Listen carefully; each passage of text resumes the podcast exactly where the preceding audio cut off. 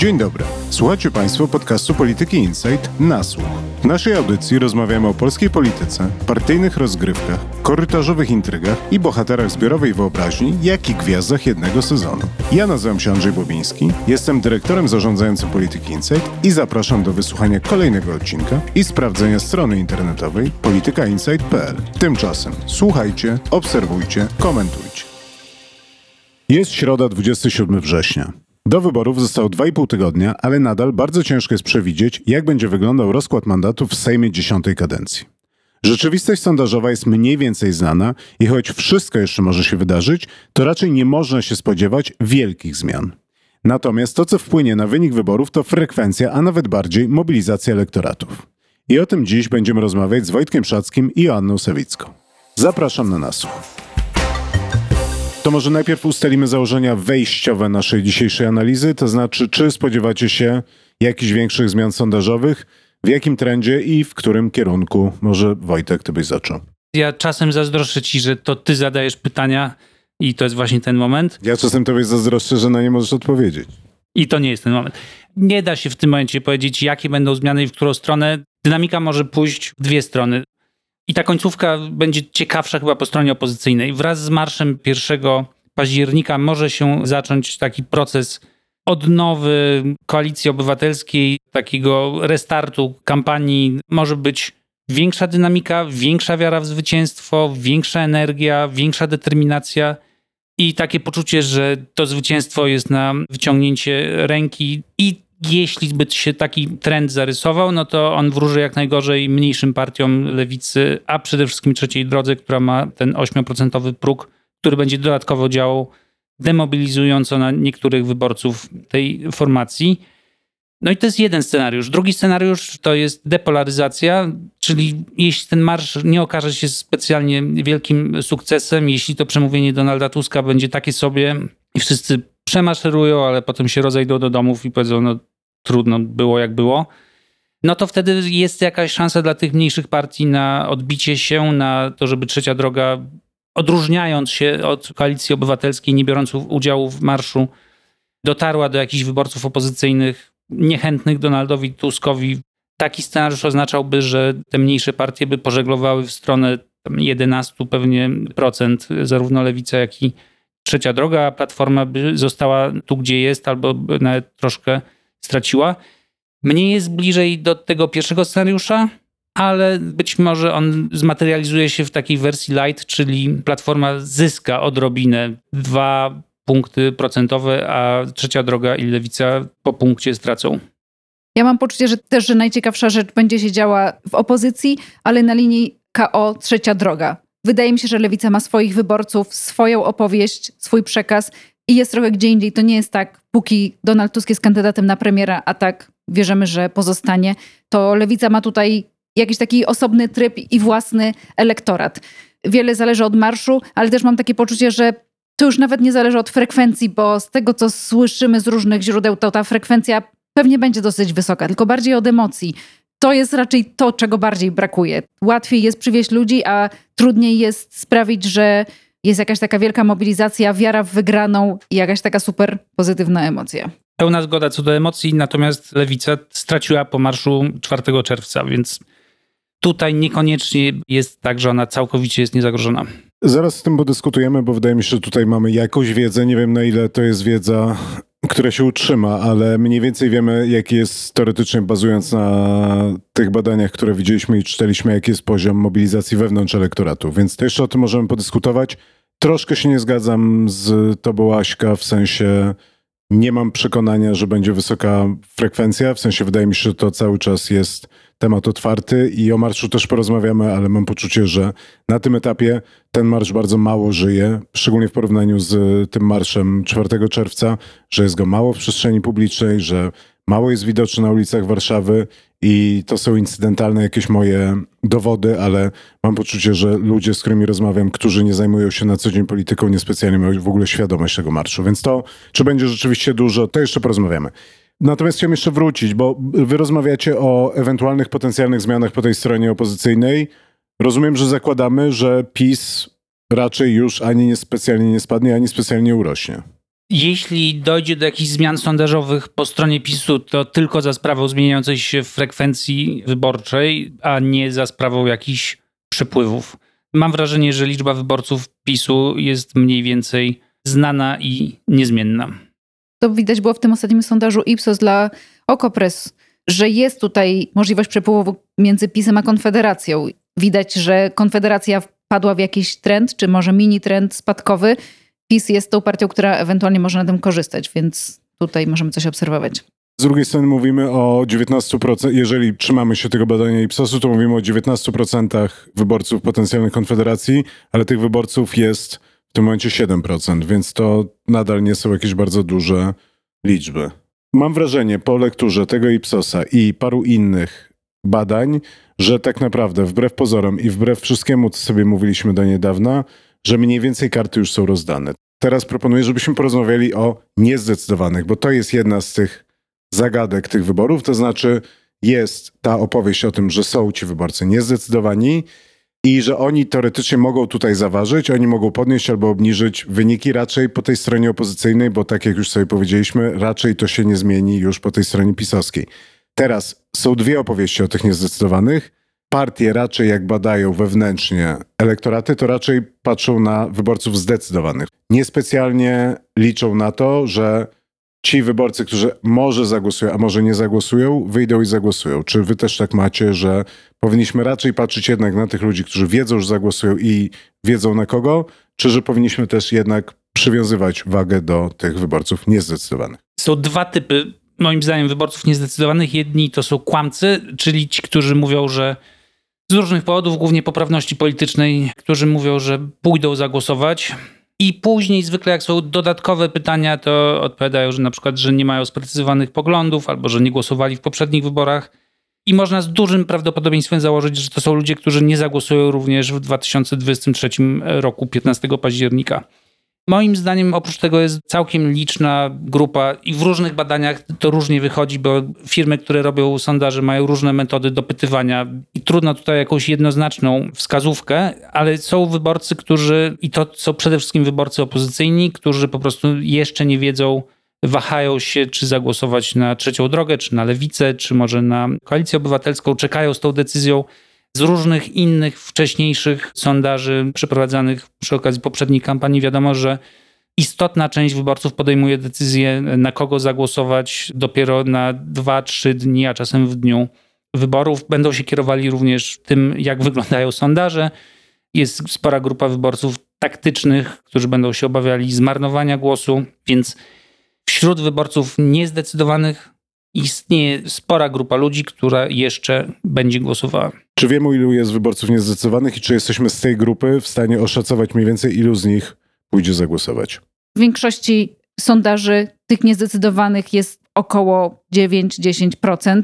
Najwięcej ich jest w Cebosie, natomiast to badanie Cebos y, jest y, mniej wiarygodne niż inne badania. Ma swoją specyfikę tego, że jest w większości przeprowadzone metodą face to face.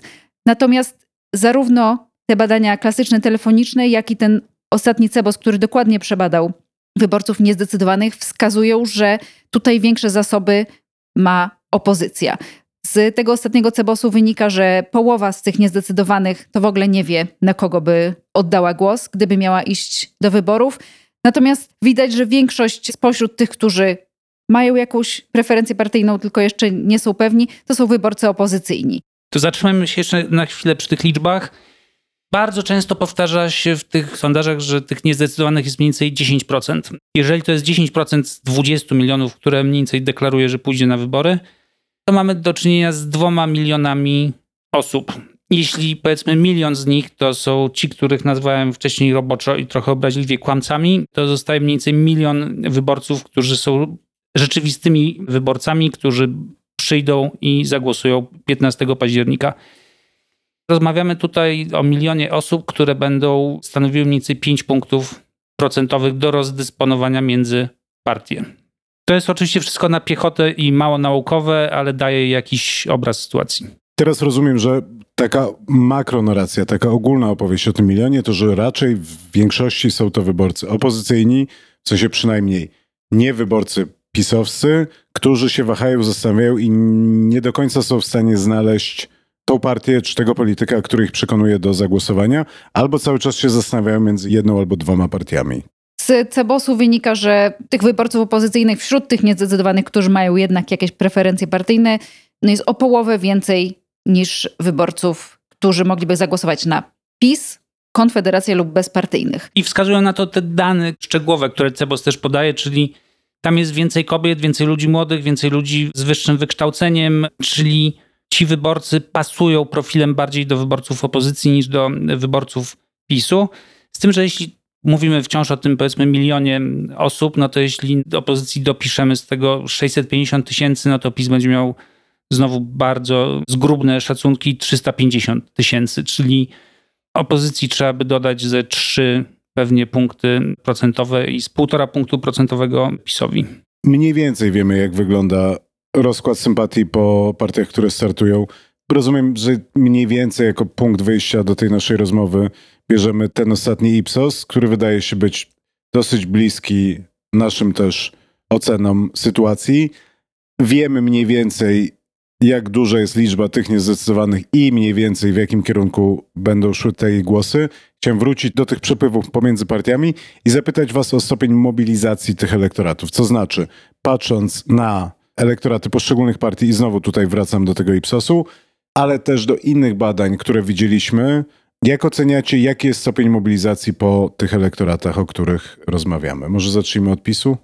Z ostatnich badań Ipsosu, nie tylko tego przeprowadzonego w ostatnim tygodniu, ale też na początku września, wynika jednoznacznie, że najbardziej zmobilizowany jest elektorat Koalicji Obywatelskiej. Największy odsetek wyborców Koalicji Obywatelskiej uważa, że te wybory będą przełomowe. Tak twierdzi 93% wyborców Platformy i na przykład tylko 72% wyborców Konfederacji.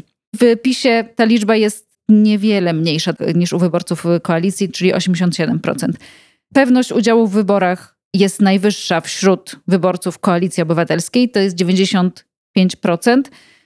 Podobnie jest w trzeciej drodze, trochę mniej, 91%. No i tutaj widać zdecydowanie najmniejszy odsetek, 83% w wyborcach Konfederacji. PiS jest mniej zmobilizowany niż wyborcy Koalicji Obywatelskiej, ale ta mobilizacja też jest całkiem wysoka w tym ostatnim psosie na poziomie 90%. Więc widać, że ci główni gracze są dość mocno zmobilizowani, ale ta taka największa nadzieja, największa chęć pójścia i walki w tych wyborach jest widoczna u wyborców Koalicji Obywatelskiej. Wiemy mniej więcej, kto na kogo chce zagłosować, wiemy mniej więcej, gdzie zmierzają wyborcy niezdecydowani, wiemy mniej więcej, że te elektoraty są mocno zmobilizowane, natomiast to, czego nie wiemy, bo ty mówisz o tym, że przykładowo tam 9 na 10 wyborców, którzy deklarują głos na trzecią drogę, jest zdecydowanych, żeby zagłosować. Ale nie wiemy, czy oni koniecznie zdecydują się koniec końców zagłosować na trzecią drogę. No to jest też inne pytanie, które zadają badacze Ipsosu wyborcom różnych partii, czyli o preferencje drugiego wyboru.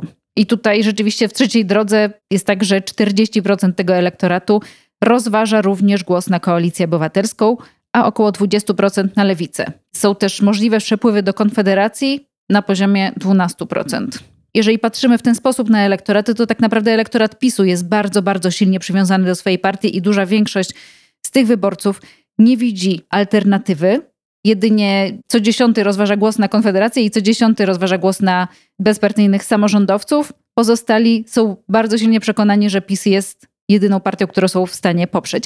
A w partiach opozycyjnych nawet jeżeli ta mobilizacja i pewność zagłosowania jest wysoka, to możliwe są przepływy do innych partii opozycyjnych. Na przykład w koalicji obywatelskiej prawie połowa rozważa głos na lewicę, jedna trzecia na trzecią drogę. Może nie tyle rozważa głos, bo to jest pytanie o to, co by było, gdyby nie było pewnie tej partii i trzeba byłoby się zdecydować na tak, głosowanie, dokładnie. ale rzeczywiście jest to pewna wskazówka, ale ja to czytam przede wszystkim jako wyznacznik słabości dwóch komitetów, czyli Konfederacji i Trzeciej Drogi, które są jeszcze nieokopane, nieutwardzone. PiS budował sobie ten żelazny elektorat przez lata. Koalicja Obywatelska po przyjeździe Donalda Tuska również, jak mi się wydaje, ma ten swój żelazny elektorat. A Trzecia Droga dopiero skleiła tych wyborców PSL-u, Polski 2050, ma nad sobą ten próg wyborczy albo pod sobą, w każdym razie w okolicy siebie ma próg wyborczy 8%. Im bliżej będzie wyborów, tym więcej wyborców trzeciej drogi będzie się zastanawiało, czy dalej być wyborcami trzeciej drogi, czy też może uciec w stronę komitetu, który gwarantuje, że ich głos nie będzie zmarnowany. I z Konfederacją jest pewnie podobnie. Z Konfederacją, która ma wyborców młodszych, którzy pewnie jeszcze nigdy nie głosowali albo głosowali tylko raz. Te ich preferencje oraz sama chęć udziału w wyborach może być płynna. Tak mniej więcej zarysowaliśmy obraz sytuacji, tak jak ją widzimy dziś. I tak jak moim zdaniem mniej więcej ona będzie wyglądała za dwa tygodnie. W sensie tutaj ja bym się nie spodziewał, tak jak mówiłem w tym wstępie, jakichś wielkich zmian, ewentualnie po tej stronie opozycyjnej, ewentualnie można się spodziewać jakichś przepływów między trzecią drogą a platformą. Może jakichś mniejszych między lewicą a platformą. Teraz chciałem z wami chwilę porozmawiać o emocjach w tej kampanii. W tym momencie jest dziwny moment, w którym te emocje opadają, bądź też wręcz opadły. To znaczy, że przez to, że ta prekampania tak długo trwała, przez to, że ta kampania tak długo trwała, przez to, że jest tak dużo tego wszystkiego wszędzie i na takim dużym poziomie krzyku i napięcia, to że ludzie się trochę tym znudzili. To znaczy doszło do pewnej dewaluacji emocji w tej kampanii i że jesteśmy w dziwnym momencie, kiedy wydawałoby się na 2,5 tygodnia przed wyborami te emocje powinny rosnąć, a jakieś intuicje i badania sugerowałyby, że jest wręcz przeciwnie, to znaczy ci ludzie, którzy tym żyją, żyją tym bardzo, ale ci ludzie, którzy niekoniecznie są bardzo zainteresowani polityką, tą polityką coraz bardziej się nudzą, bo niewiele nowego się dzieje. To znaczy, my cały czas rozmawiamy o tym samym i wokół tego samego. Czy wy też tak to widzicie, czy też tak czujecie? Ja chyba mam podobnie. Wydaje mi się, że emocje kampanijne miały być budowane wokół różnego rodzaju afer, takich jak afera wizowa. Natomiast wyborcy są już chyba tym zmęczeni i nie widzę próby, a w każdym razie skutecznej próby budowania tej drugiej pozytywnej emocji, to znaczy kampanii nadziei tak mocno skupiają się największe partie Platforma i Koalicja Obywatelska i PiS na wzajemnym ataku i pokazywaniu własnych wzajemnych słabości i afer, że bardzo jest mało przestrzeni na kreowanie tego pozytywnego programu. I to też jest problem tych mniejszych partii, to znaczy przede wszystkim Konfederacji i Trzeciej Drogi, które miały nadzieję na mobilizowanie wyborców mniej zainteresowanych polityką, takich spoza tego głównego sporu, tych, którzy często nie chodzą na wyborów, zwerbowanie nowych ludzi, tylko że te partie dwie są w defensywie. Nie widać, żeby im się udało pociągnąć jakieś duże, nowe grupy do wyborów. I wydaje mi się, że też ostatecznie to pytanie o frekwencję, jak będzie duża frekwencja, to będzie pytanie o kondycję tych dwóch ugrupowań na koniec kampanii. Czy oni są w stanie jeszcze wykreować te emocje wśród tych ludzi mniej zainteresowanych i spoza polaryzacji, żeby jednak poszli i zagłosowali, żeby mieli te nadzieje na jakąś nowość czy jakąś zmianę. Sądzę, że czas na emocje jeszcze przyjdzie, że ten czas to będą ostatnie dwa tygodnie kampanii. Słyszymy też z różnych komitetów, że wciąż są magazynowane pieniądze na te ostatnie dwa tygodnie, że jeszcze na przykład kandydaci nie zaczęli tych indywidualnych kampanii internetowych, tego dopalenia. I to jest i po stronie Zjednoczonej Prawicy, i po stronie opozycyjnej. Będzie marsz, który, jak rozumiem, ma wygenerować emocje po stronie Koalicji Obywatelskiej. Może nawet się zgadzam z tym, że teraz trochę te emocje przygasły, że taką mamy fazę kampanii, ale myślę, że to nie potrwa długo i że w ostatnie dwa tygodnie już wejdziemy rozemocjonowani w stopniu większym. Nie widać też, żeby na przykład spadała deklarowana frekwencja w badaniach, więc nawet jeśli nie widać takiej wielkiej emocji i szukania różnych rzeczy w internecie, to jak rozumiem, Polacy wciąż deklarują, że będą brali udział w wyborach. Ja się zastanawiam, na czym miałaby urosnąć ta emocja w ostatnim tygodniu, w ostatnich dwóch tygodniach kampanii, oprócz tego, że po prostu zbliżają się wybory i zbliża się to wielkie rozstrzygnięcie, ale mieliśmy w ostatnich dniach tyle wydarzeń, które potencjalnie generują emocje. To zatrzymanie przez policję posłanki Kingi Gajewskiej, napadnięcie na posła Borysa Budkę, wielka afera wizowa. Ileś takich rzeczy mniejszych i większych, które potencjalnie mogłyby budzić jakieś emocje, ale... I budziły. Ja się zgadzam z Aśką w tym sensie, że mam takie poczucie, że tego jest tak dużo właśnie, że to się zjada. To znaczy i trochę jest o algorytmach mediów społecznościowych, ale też tak naprawdę o, o możliwościach przyswojenia z jednej strony informacji, ale z drugiej strony emocji. To znaczy mam takie poczucie, że ten krzyk i wrzask, o którym rozmawialiśmy w zeszłym tygodniu jest już na takim poziomie i tego jest tak dużo i to nas, do nas bije ze wszystkich zakątków, ze wszystkich ekranów, zewsząd, że ludzie się na to uodpornili i po prostu od tego trochę uciekają. W sensie nawet nie tak, że uciekają, bo już nie wytrzymują, tylko po prostu ich to nudzi. Znaczy, ja mam wrażenie, że to jest trochę ten paradoks i ta dziwność tej kampanii, że im bardziej są dogrzewane te emocje, tym bardziej one już nie działają, bo ludzie już trochę mają tego dosyć. I komu to służy, a kogo to powinno martwić, ale ja nie mam takiego poczucia, a obracam się w środowisku, które raczej głosuje na partie opozycyjne niż na PiS, w Warszawie, która jest raczej opozycyjna niż pisowska i ja nie widzę tego podniecenia i nie widzę tego rozemocjonowania i dlatego też myślę, że z tym marszem może być kłopot. To znaczy, wydaje mi się i nie wiem jak ty to czujesz Wojtek, ale wydaje mi się, że w 20 roku w kampanii prezydenckiej może tej kampanii było mniej, tych informacji, afer i rzeczy bijących z monitorów i ekranów było mniej, ale z drugiej strony takie organiczne zainteresowanie, przynajmniej w tym moim bomblu, który ja widzę, jestem w stanie ocenić, oszacować, było większe. To znaczy, mam wrażenie, że w 20 roku ta emocja była większa niż teraz. Ale zupełnie inna była dynamika tamtej kampanii, bo mieliśmy najpierw Małgorzatę Kidawę-Błońską, która nie dźwignęła kampanii, i potem wejście na ostatniej prostej już w zasadzie Rafała Trzaskowskiego. To była krótka kampania, w której on startował ze stosunkowo niskiego poziomu i rósł. A jeśli coś się dzieje w sondażach, jeśli widać jakiś trend wzrostowy, to inaczej też wyborcy na to patrzą. A tutaj mamy do czynienia z koalicją obywatelską, która od czerwca a to trochę straci, a to trochę urośnie. Gdyby jakaś partia, mówię tutaj przede wszystkim o koalicji obywatelskiej, zaczęła rosnąć w sondażach, gdyby doszło do jakiegoś przełomu, to ta kampania też by inaczej wyglądała. Bo ja też nie pamiętam jakichś takich silnych emocji w tej kampanii 20 roku prezydenckiej. Emocje to były, przecież były te tłumy ludzi krzyczących mamy dość, to było nieoficjalne hasło kampanii i to się czuło. Zastanawiam się po prostu, czy tym czynnikiem mobilizacyjnym w tych wyborach, tam frekwencja w drugiej turze na prawie 70%, nie była ta nadzieja, że tym razem opozycja może wygrać. To znaczy, że ta kampania Trzaskowskiego była dobra, rzeczywiście było blisko wygranej i że ludzie poszli do urn, bo czuli tę możliwość wygranej. I być może tak może być też w tym roku. To znaczy, w tym roku kompletnie nie wiemy, kto ostatecznie wygra te wybory, to znaczy, jakie będzie rozstrzygnięcie, kto będzie w stanie stworzyć rząd. I może nie potrzebujemy jakichś wielkich kłótni, jakichś wielkich, gigantycznych emocji tłumu, gigantycznej polaryzacji, tylko właśnie taką mniej odczuwalną nadzieję na to, że te wybory mogą coś zmienić. Chyba musisz pociągnąć tą myśl, w sensie nie do końca rozumiem, jak mniej odczuwalna nadzieja może zmobilizować. Wydaje mi się, że czynnikiem mobilizacyjnym w 2020 roku było to, że strona opozycyjna w 2020 roku nie czuła, że jest skazana na porażkę.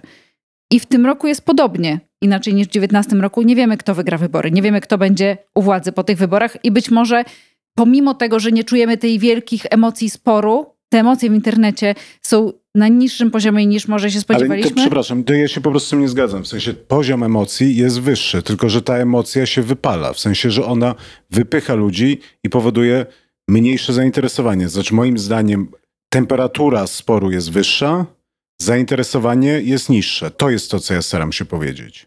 Po prostu jesteśmy tym zmęczeni, bo to strasznie długo trwa i dzieje się na bardzo dużej intensywności. Tak, zastanawiam się jeszcze, na ile na to ma wpływ taktyka PiSu, który unika jakichkolwiek debat, bo jednak debaty również przyciągają uwagę i budzą emocje, a tymczasem PiS podjął decyzję, że nie będzie brał udziału w żadnych debatach, w których uczestniczą również politycy opozycji. Ta kampania dzieje się w dwóch równoległych światach, które mają zerową praktycznie styczność poza pojedynczymi programami publicystycznymi. Zastanawiam się też, na ile to, o czym ty mówiłeś, czyli że to, że politycy przegrzali komunikat, który jest powtarzany zbyt często i zbyt mocno, przestaje działać, bo dla części wyborców staje się to jakimś takim teatrem, rytuałem. Rytuał po pewnym czasie zaczyna nudzić.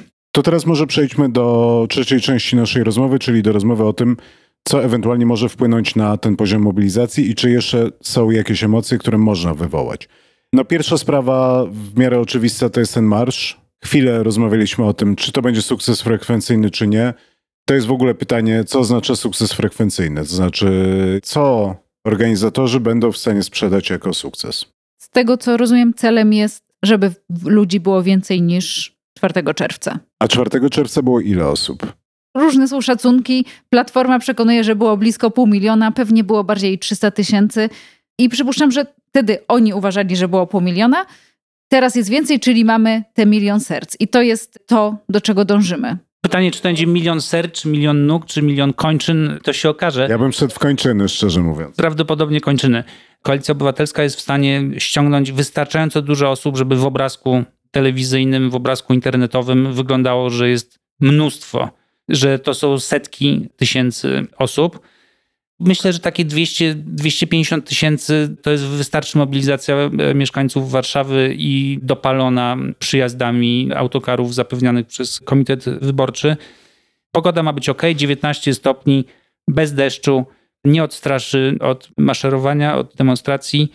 Nawet nie chodzi o to, czy tam będzie 250, 300 czy 400 tysięcy ludzi. Chodzi o to, co ci ludzie będą czuli i co usłyszą od Donalda Tuska, który tam przemówi. Nie będzie to na pewno marsz wyraźnie mniejszy od tego marszu 4 czerwca. Wszystko, co ponadto, będzie sukcesem, ale i tak najważniejszy będzie przekaz polityczny, który stamtąd popłynie. Tu się zgadzam. To znaczy myślę, że jeżeli rzeczywiście mierzyć by sukces tego marszu liczbą osób, tudzież kończyn, to myślę, że ten marsz nie ma szans na wielkie powodzenie. Natomiast w naszej spolaryzowanej debacie publicznej jedni będą twierdzili, że był milion, drudzy będą twierdzili, że, będzie, że było 50 tysięcy i tak i tak nikt się koniec końców nie dowie, ile było osób, a że to, co będzie ważniejsze, to są, i to też wiedzieliśmy poprzednio, ale to są obrazki, przekaz medialny, ale dużo bardziej niż wówczas to, co zostanie powiedziane ze sceny. Znaczy, wydaje mi się, że tak jak wtedy ważniejsze były te obrazki tego ciągnącego się tłumu, który szedł krakowskim przedmieściem, to tym razem większy nacisk będzie położony jednak i musi być położony na przemówienia i na obrazek telewizyjny. Znaczy, wydaje mi się, że to jest to, co się wydarzy i to będzie tą miarą sukcesu i to powinno być nośnikiem tej energii, czyli bardziej przemówienia niż frekwencja. A jeśli chodzi o obrazek, no to Koalicja Obywatelska dba o to, żeby ta trasa była lepsza o tyle, że będzie właśnie lepiej wyglądać w obrazku, że nawet jeżeli ta liczba osób nie będzie dużo większa, to żeby widać było jakiś taki długi tłum ciągnący się długą ulicą, bo wcześniej tych ludzi było dużo, ale rzeczywiście oni byli porozmieszczeni po różnych bocznych alejkach. Niewątpliwie, ale też ja nie wątpię, że TVP Info zrobi bardzo dużo zdjęć i filmików z tego, jak trzy osoby idą długo połacią same. I pokrzykują wulgarne. I pokrzykują wulgarne, więc jakby to jest trochę historia o tym, że tu każdy będzie miał swoją odpowiedź i to nawet nie jest o odbiorze samego marszu, tylko tego, co jeszcze tam się wydarzy. Dalej, takie rzeczy, które mogą być nośnikami emocji i mobilizować na ostatniej prostej, no to teraz po tej stronie pisowskiej to jest kampania referendalna i ogólnie to referendum bardzo mnie zastanawia, bo my w ogóle nie widzimy, przynajmniej do mnie w ogóle nie dociera to referendum. Ja nie widzę tego referendum. To referendum kompletnie spadło mi z radaru politycznego. Możliwe, że tak naprawdę to ruszy od poniedziałku, że to będą te dwa ostatnie tygodnie przed wyborami. Nie wiem, Wojtek, jak ty to czujesz, jak to widzisz, ale to jest coś, co mnie zastanawia. To znaczy, tak jak ten marsz jest jakimś tam elementem niepewności po tej stronie opozycyjnej, to dla mnie to referendum jest jakimś takim przedziwną czarną dziurą w kampanii PiSu teraz. Może dwa tygodnie temu gadałem z kimś ze sztabu PiSu i on powiedział, że powstał podsztab referendalny, ale nawet jeśli powstał, to prawdę mówiąc, ja nie widzę, żeby coś robił. Pomijając jakieś nieliczne materiały w TVP, od czasu do czasu są takie bloki referendalne, gdzie są pytania omawiane, są przypadkowi ludzie, którzy tak się składa, zawsze są za tymi odpowiedziami, które proponuje PiS, są odpytywani, ale nie widzę jakiejś kampanii prowadzonej przez PiS w tej sprawie. Nie widzę tego ani w telewizji, ani w outdoorze tak zwanym. Być może rzeczywiście oni to szykują na ostatnią prostą. Być może nie jest tak, że PiS ma tak gigantyczny budżet, że może sobie pozwolić na prowadzenie równoległych dwóch wielkich kampanii i jednak na tej referendalnej trochę oszczędza i przeprowadzi ją tylko przez te dwa ostatnie tygodnie. Ja bym nie, nie doceniał budżetów pisowskich. Myślę, że to nie chodzi o pieniądze, ale myślę, że to chodzi o uwagę. Moje podejrzenie, stawiam hipotezę niepotwierdzoną wiedzą, może być tak, że przekaz dużego sztabu i tego, co robi sztab w ramach docierania do wyborców pisowskich, jest dużo istotniejszy od tego przekazu referendalnego i że trochę jest tak, że to referendum się gdzieś gubi, bo trochę nie ma do kogo z tym trafić i nie wiadomo z czym trafić. Znaczy znowu, to jest trochę to samo, co z tymi emocjami po tej stronie opozycyjnej. Znaczy wszystko już zostało powiedziane, wszyscy już zostali przekonani, więc ja trochę nie rozumiem, co jeszcze może osiągnąć taką kampanią referendalną. Funkcja celu mi umyka. Kolejna taka rzecz, która mogłaby, ale nie wiem czy zagra, no to jest to granie tymi aferami i aferkami. To w ogóle w codzienniku dzisiaj Maciek Czapluk będzie rozmawiał z Julią Cydejko o aferach. Dla mnie jest nieoczywiste, co my nazywamy w tym momencie aferą i to jest jedno z takich dziwnych słów, które wypadałoby dodefiniować. No afera wizowa to mniej więcej rozumiemy, ale czy zielona granica jest aferą po tej drugiej stronie, czy nie jest to Dwie też... wieże wróciły. Dwie wieże wróciły. No tego jest dużo. Dzisiaj senator Brejza też z jakimś węglem będzie jeździł i pokazywał jakieś historie wokół tych afer, ale zastanawiam się, czy w ogóle ten przekaz aferalny po obu stronach jeszcze działa i czy cokolwiek zmienia znowu. Czy to nie jest kolejna rzecz, którą próbuje się użyć, bo dlaczego by tego nie użyć? I już są skrypty z tego, jak używać afer w kampanii, ale z drugiej strony pytanie, czy to wzbudza jakieś emocje, czy to do kogoś trafia, czy jest tu coś nowego do powiedzenia?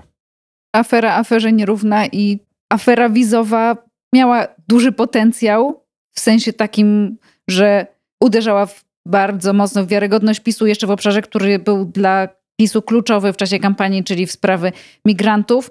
Natomiast jeżeli nawet to nie zagrało, nawet jeżeli to nie poruszało emocji tłumów, to ciężko mi sobie wyobrazić aferę, która miałaby teraz zmienić bieg tej kampanii. Marsz będzie przekazem do przekonanych, ale może, jeżeli dobrze pójdzie, być jakimś nosikiem nadziei. Kampania referendalna, trochę jej nie widzimy, zobaczymy, że zostanie włączona, trochę nie wiemy, do kogo miałaby przebić się i z czym. Afery niespecjalnie robią na kimkolwiek już wrażenie, bo po obu stronach jest tak, że każdy ma swoją prawdę i tej prawdy się trzyma. I te trzy rzeczy też niespecjalnie oddziaływują na tych wyborców mniej zmobilizowanych, wahających się, zastanawiających się, mniej interesujących się polityką. Czwarta rzecz, którą sobie wynotowałem, która potencjalnie mogła być jakimś nośnikiem emocji albo jakoś zmobilizować jakieś elektoraty, to są akcje profrekwencyjne. I tego w ogóle mam wrażenie, że widzimy mało. Tak jak z poprzednich lat, ja pamiętam, że jednak dużo było wokół. W 2007 Zmień kraj, idź na wybory, mamy Zabierz babci dowód, mamy wcześniej prehistorię, akcje organizowane przez Stowarzyszenie Wybieram.pl. Dużo tego było.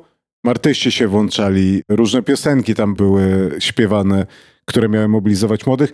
Jest rzeczywiście jedna akcja profrekwencyjna, którą widzimy i która się przybija, to jest ta akcja do kobiet skierowana, czyli kobiety na wybory. Są jakieś mniejsze takie mikroakcyjki typu odważ się, orientuj się jest, ale tego jest naprawdę mało i to moim zdaniem to trafia do ludzi bardzo zainteresowanych, a nie do tych, do których powinno trafiać, może poza tymi kobietami, bo one się bardzo świecą w telewizjach.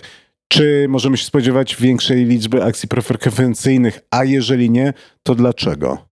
Z tego, co słyszymy, te akcje profrekwencyjne mają ruszyć w ostatnich dniach przed kampanią i rozumiem, że one są po prostu lepiej targetowane niż w poprzednich latach i wiadomo, do kogo mają trafić i wiadomo, już tych ludzi nie trzeba przekonywać, na kogo mają głosować, tylko ci wyborcy, powiedzmy sobie, opozycyjni, te kobiety, które mogą zagłosować na opozycję, czy ci młodzi, którzy mogą zagłosować na opozycję, do nich trafi przekaz na 10, 7, 5 dni przed wyborami, idź na wybory, bo teraz byłoby to pewnie mniej skuteczne. Ja tutaj się do końca z tobą, Andrzej, nie zgadzam. Uważam, że te akcje profrekwencyjne są bardziej widoczne niż ty byś skłonny o tym był myśleć.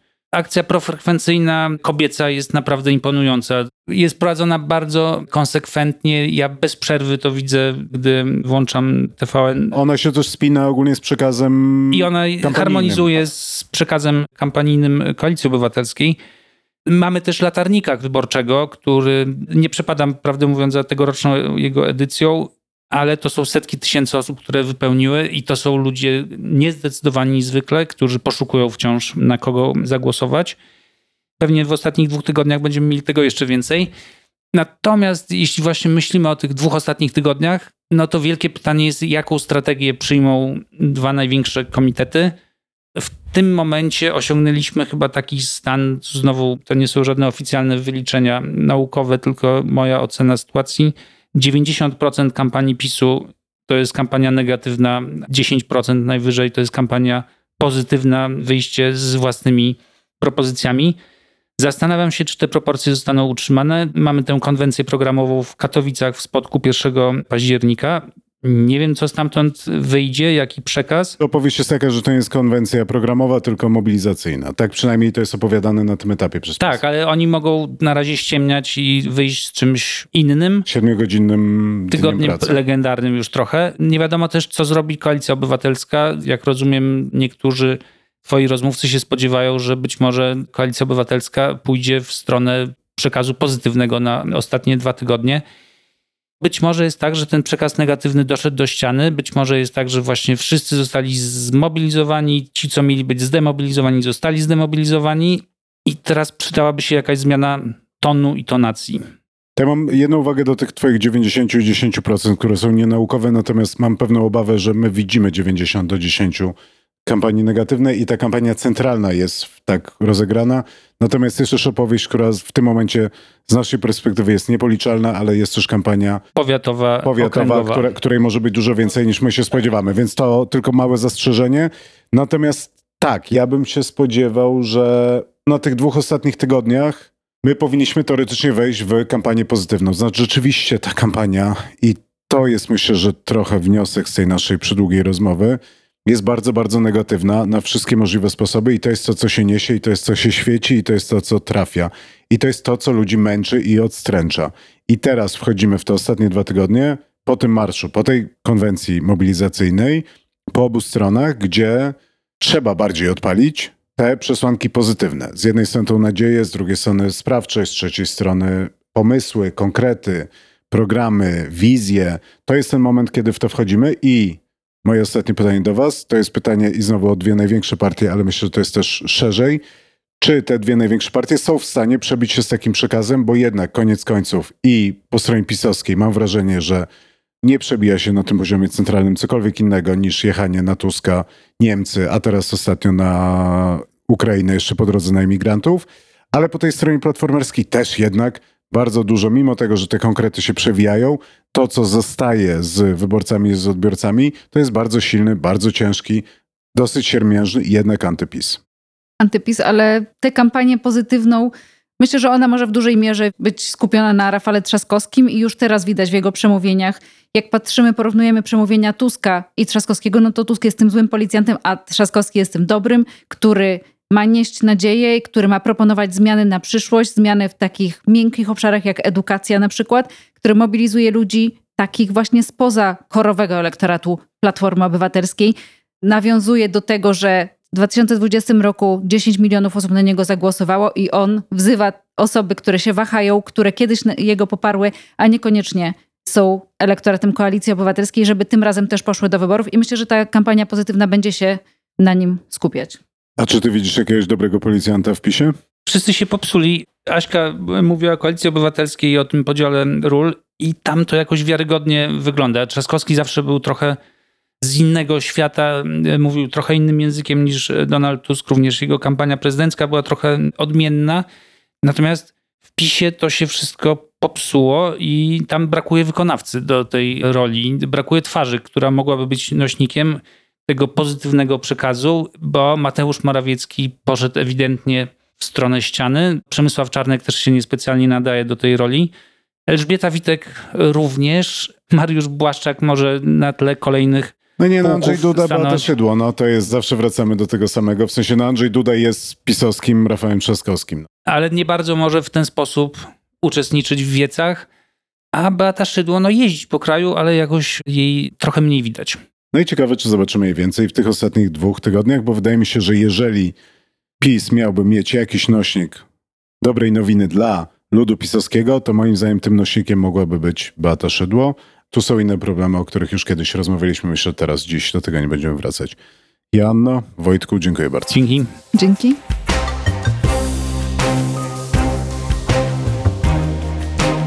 Na dziś to wszystko. Zapraszam w przyszłym tygodniu na kolejny odcinek na słuchu. Posłuchajcie również innych naszych podcastów, które znajdziecie w większości serwisów podcastowych. W pole wyszukiwania wpiszcie po prostu Polityka Insight.